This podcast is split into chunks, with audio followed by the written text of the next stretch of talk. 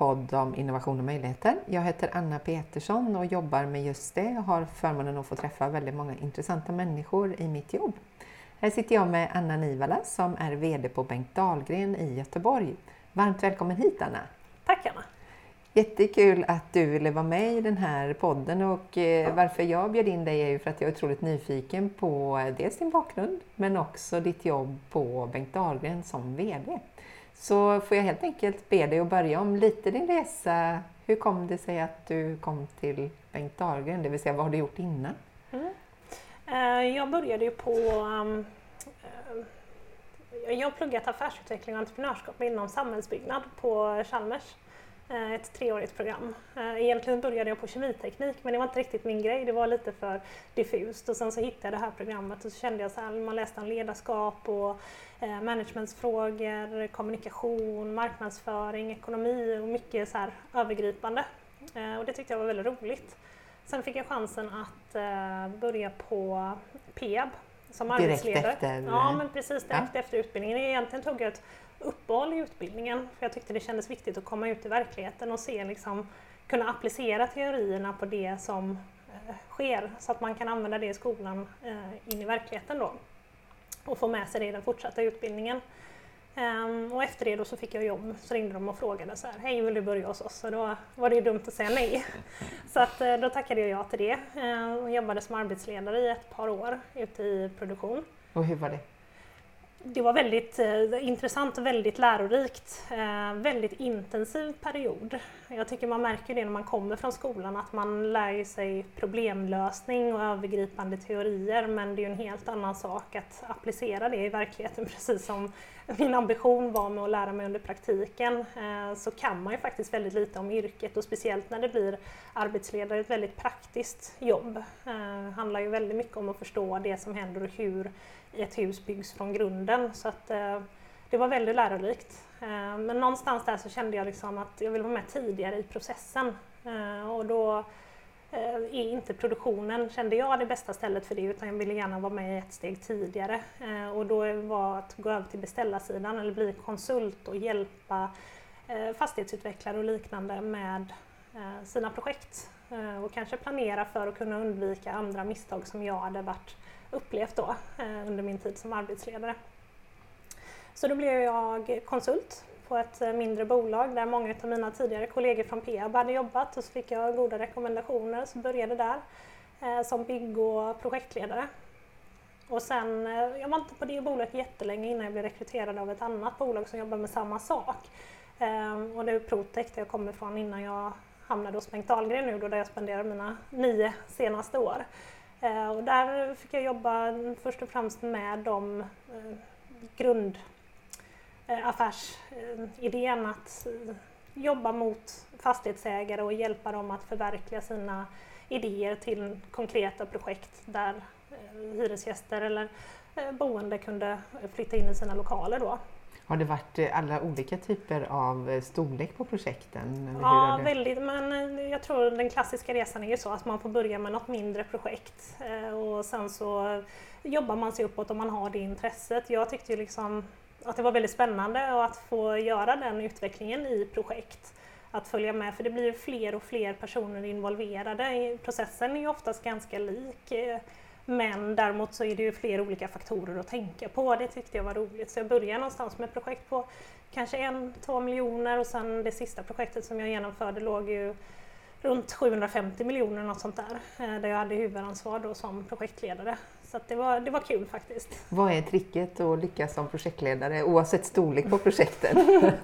Nej men jag tror att eh, man behöver ju kunna jobba tillsammans med andra och i mitt fall då också kunna se när man inte förstår varandra. För det handlar ju väldigt mycket om att hålla, ja, precis, det handlar väldigt mycket om att hålla ihop laget. Och också kanske förstå att man behöver inte vara expert på något utav områdena eh, men kunna lite av varje då. Eh, och även om du inte kan frågan så är det fortfarande det här att se att samtalet mellan två människor, de har inte heller förstått varandra. Och det kan ju vara lättare om man själv inte är expert på området för då hör man ju vad den ena säger och så förstår jag exakt det person A säger och sen så förstår jag exakt vad person B säger. Men eftersom inte jag har förstått exakt vad någon av dem säger så kan jag ju se att det finns en differens däremellan. Så det har spelat stor roll tror jag. Ja. Eh, och lite den parallellen drar jag också till att ha VD-uppdraget. Det är ju som en projektledare fast för bolaget då mm. i sin tur. Så att, vad var det som lockade dig till Bengt Dahlgren? Det är fortfarande samhällsbyggnad? Ja men precis. Mm. Men på Protex så fick jag också möjligheten att jobba med olika ledningsfunktioner och eh, missioner, visioner, affärsidéer och arbetsgivarvarumärket och så. Eh, så då fick jag ju frågan om att bli VD där och det tyckte jag var väldigt roligt. Eh, men i ett sånt litet bolag som det ändå var ungefär 30 personer, lite drygt, i Göteborg, då får man göra då är man ju projektledare också, fortfarande aktiv delvis i verksamheten. Så där tyckte jag att möjligheten att jobba med Bengt Dahlgren Eh, dels att det var en heltidstjänst inom det området eh, och bara jobba med bolagsutvecklingsfrågor kändes väldigt stimulerande för mig. Mm. Eh, och sen att ha väldigt många olika stödfunktioner runt omkring. När man är på det mindre bolaget så blir man ju lite allt i allo. Jag har gjort all ekonomi och sen så är jag ju HR och sen så är jag ju kommunikation och jag är marknad. Och man gör ju bara byter hatt? Ja, men jättebra skola men fortfarande så är det svårt att hinna tänka längre fram då. Ja. Så att få den möjligheten tycker jag var väldigt spännande. Sen tänker jag med Bengt Dahlgren som bolag också att eh, man är ju väldigt duktig, väldigt hög kompetens inom många områden och hållbarhet är ju ett sådant område som jag brinner mycket för och där har man ju väldigt goda meriter och väldigt hög kunskap så det kändes väldigt stimulerande för mig också att få vara med i den utvecklingen och kunna vara med och påverka. Och om man tittar, nu är det ju ett år sedan ungefär när du började, när vi mm. kontaktade dig ja, för det här. Ja, ja. och eh, då får man ju en bild av bolaget. Mm. Kommer mm. du ihåg hur du tänkte först? Och jag menar Bengt Dahlgren är känt mm. inom mm. den världen du har varit i så att du hade säkert en bild också av det. Men mm. vad var det för bild du hade innan du klev in? Nej men jag hade ju den här, ehm, det bilden av att det är ett väldigt kompetent bolag men att man är lite osynliga tycker jag. Ehm, I förhållande till, man har inte jobbat så mycket med det här att berätta att man är så bra som man faktiskt är. Eh, så det hade jag den bilden då och den har jag ju fortfarande, att det är väldigt blygsamt. Jag tror förr i tiden så har man ju levt, kunnat leva väldigt mycket på att man gör ett bra jobb och det har nästan varit något fint att man inte berättar om det utan att det ska vara känt ändå. Men det är lite andra tider nu tror jag, så det här, man försvinner lätt i bruset om man inte är duktig på att kommunicera vad det är man är bra på. Mm, för det är inte det att det inte finns exempel, det är bara Nej. det att man inte berättar det. Nej, och också så här, den interna stoltheten i det tror jag också kan stiga om man blir bättre på att kommunicera det både internt och externt. Mm. Så fantastisk kompetens och eh, sen kände jag ju till det sen tidigare. Jag har lite eh, tidigare kollegor, eller vad ska man säga, kollegor i branschen, sådana personer som jag samarbetat väldigt mycket med mm. som också har berättat mycket om kulturen och den här omtanken som finns. Mm. Eh, och det tycker jag också motsvarar väldigt mycket så jag tycker att det är det jag hade förväntat mig är ganska likt det jag har fått tycker jag. Ja. Och det är jag väldigt glad för. Och du har gjort det lite drygt ett halvår nu. Mm. Berätta mm. om mm. den resan, ja. för den är ju en resa ja. som man inte ska förglömma när man är ny in nej, och nej, på den positionen nej. också. Ja, ja, men precis. Nej, men det är ju en annorlunda upplevelse tror jag. Det finns ju inte riktigt så här en mall för inskolning av VD så att det blir ju lite vad man gör det till själv tror jag. Mm. Eh, men jag upplever att jag har blivit mottagen på ett väldigt varmt och fint sätt. Så att, eh, det är verkligen den här eh, Bengt Dahlgren-familjen och alla är ju väldigt nyfikna och har kommit fram och pratat och, eh, ja, sådär. och jag har också försökt verkligen ta mig tiden och gå runt och prata med alla. Men det är ju en intensiv period. Det är ju allt från var ligger toaletten till eh, här är våra mål och strategier på fem års sikt. Så att, och allt däremellan. Ja. Eh, och någonstans så förväntas man ju också redan kunna det från början. Eh, så att mycket tid av att känna in och lyssna in och prata med dem som arbetar där. Mm. Och jag är väldigt lycklig att jag fått den förmånen också att faktiskt få den tiden. Mm. Bengt Dahlgren är ju ett bolag som eh, går jättebra eh, och har gjort under 70 års tid. så att, du ska inte in och göra en turnaround? nej, nej, men så trots liksom pandemier och sådär, och det är klart att det var tillfälliga svackor, men trots allt det så har det gått väldigt bra. Mm. Så det är ju inget så krisbolag där man ska gå in och nu måste vi skära bort det eller nu måste vi göra några snabba förändringar utan jag har ju verkligen haft den möjligheten att hinna lyssna in och känna efter och ja, komma fram till vad vi, eller vad jag tror då behövs göras framöver. Och här kommer vi den spännande frågan. vad är det vi ska göra framåt? Ja, nej men, vi är ju ett bolag, konsultbolag eh, och vårt enda värde är ju människorna som jobbar där. Eh, och det tycker jag är väldigt viktigt att ha med sig och tänka på det. Och en av de viktigaste faktorerna för oss blir ju att skapa en arbetsplats där människor mår bra. Och jag tycker det är viktigt att ha med sig det perspektivet också, att man är inte bara en resurs eller en person som har en yrkesroll, utan du är en människa i sin helhet.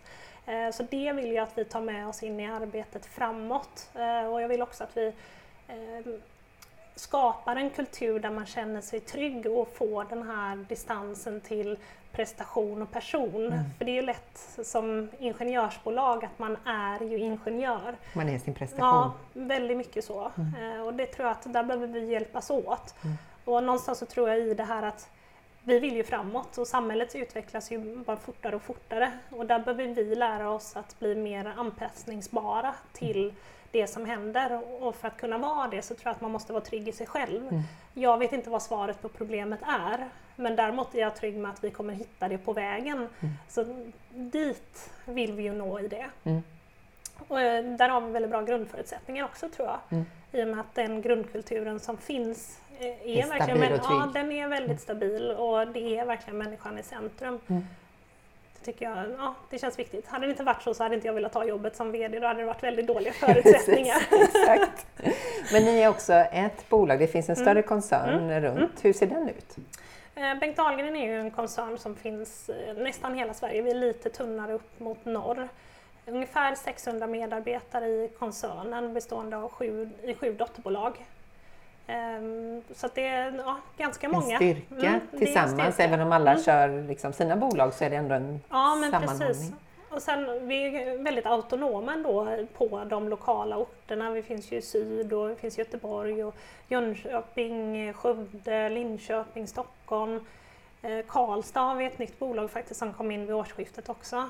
Mm. Eh, och där försöker man ju vara snabb eh, och stark på den lokala marknaden. Mm. Eh, och det är ju ibland en utmaning när man ska jobba som en koncern och alla ska försöka göra samma. Ja. Att, eh, och storlek på bolag också kanske skiftar ja. och det påverkar ju också hur man arbetar mm. såklart. Mm, precis. Men lite nyfiken på om man tittar på hur du ser på till exempel ledarskap. Vad mm. är ett bra ledarskap? Hur, hur ser du det?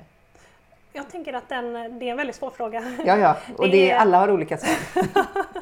Men någonstans så tror jag att det inte finns ett svar på det utan jag tror mer att det är att man individanpassar det eller situationsanpassar sitt ledarskap. För beroende på vem det är du möter så kommer ju de ha olika behov eh, där du ska hjälpa dem med olika saker eller för att det ska bli maximalt ut utav ert samarbete. Och det tycker jag, ledarskapet är ju liksom en resa i att lära känna sig själv, inte minst. Att mm. förstå att jag är bra på det här och det stimulerar vissa personer på ett sätt men andra behöver något helt annat.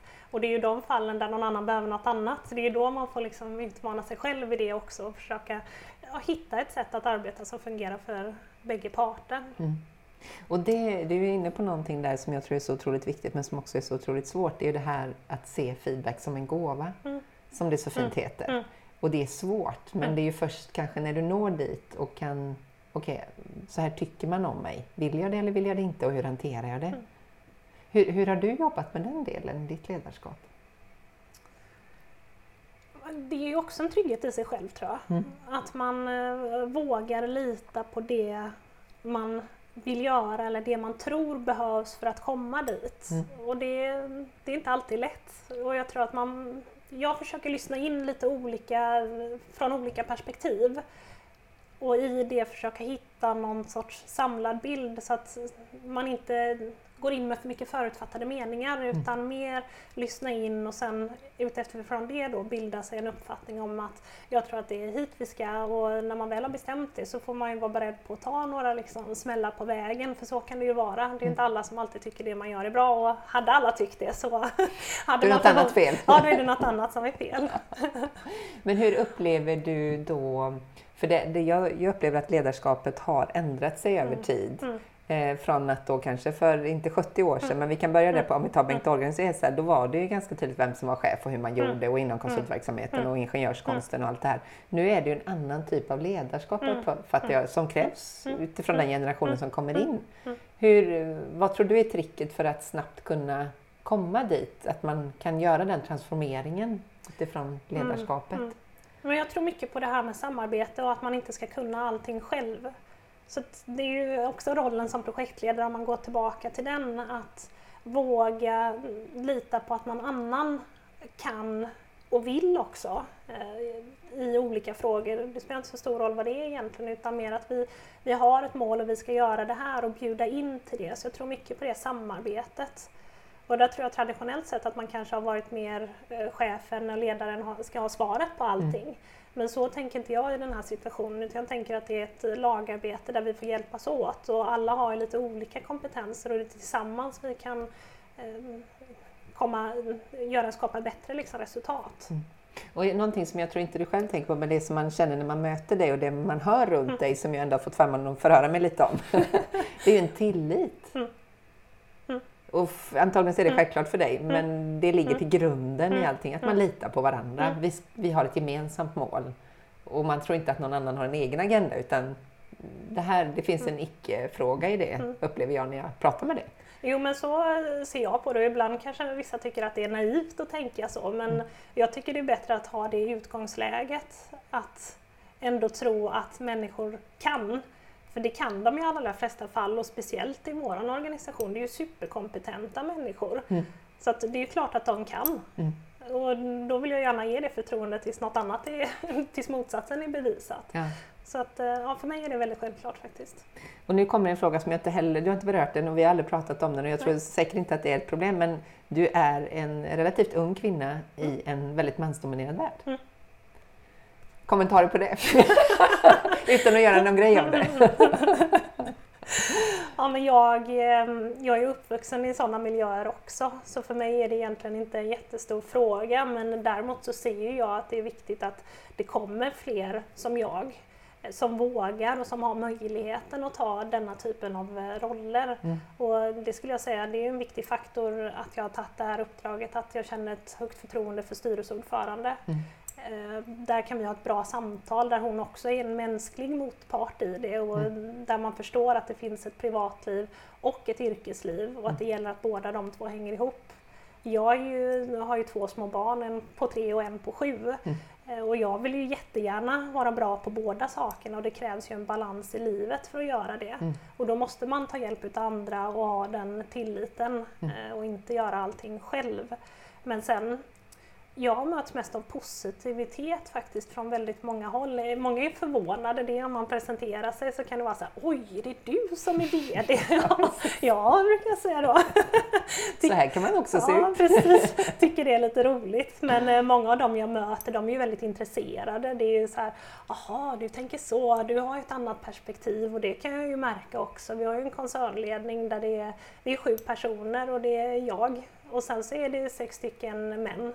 Men vi har ju väldigt bra samtal och jag känner mig väldigt lyssnad på mm. alltid. Mm. Så det, det, respekten det är det, finns ja, det viktigaste tycker jag. Mm. Sen hoppas jag ju att branschen ser annorlunda längre eh, framöver. Mm. Att det är mer jämställt och att det inte är lika, ja men att vi har en bra balans mm. helt enkelt. Och då pratar vi inte bara kön utan vi kan prata Nej, ålder, vi pratar eh, mm. bakgrund, alla de delarna som gör att det blir en bra mix i det.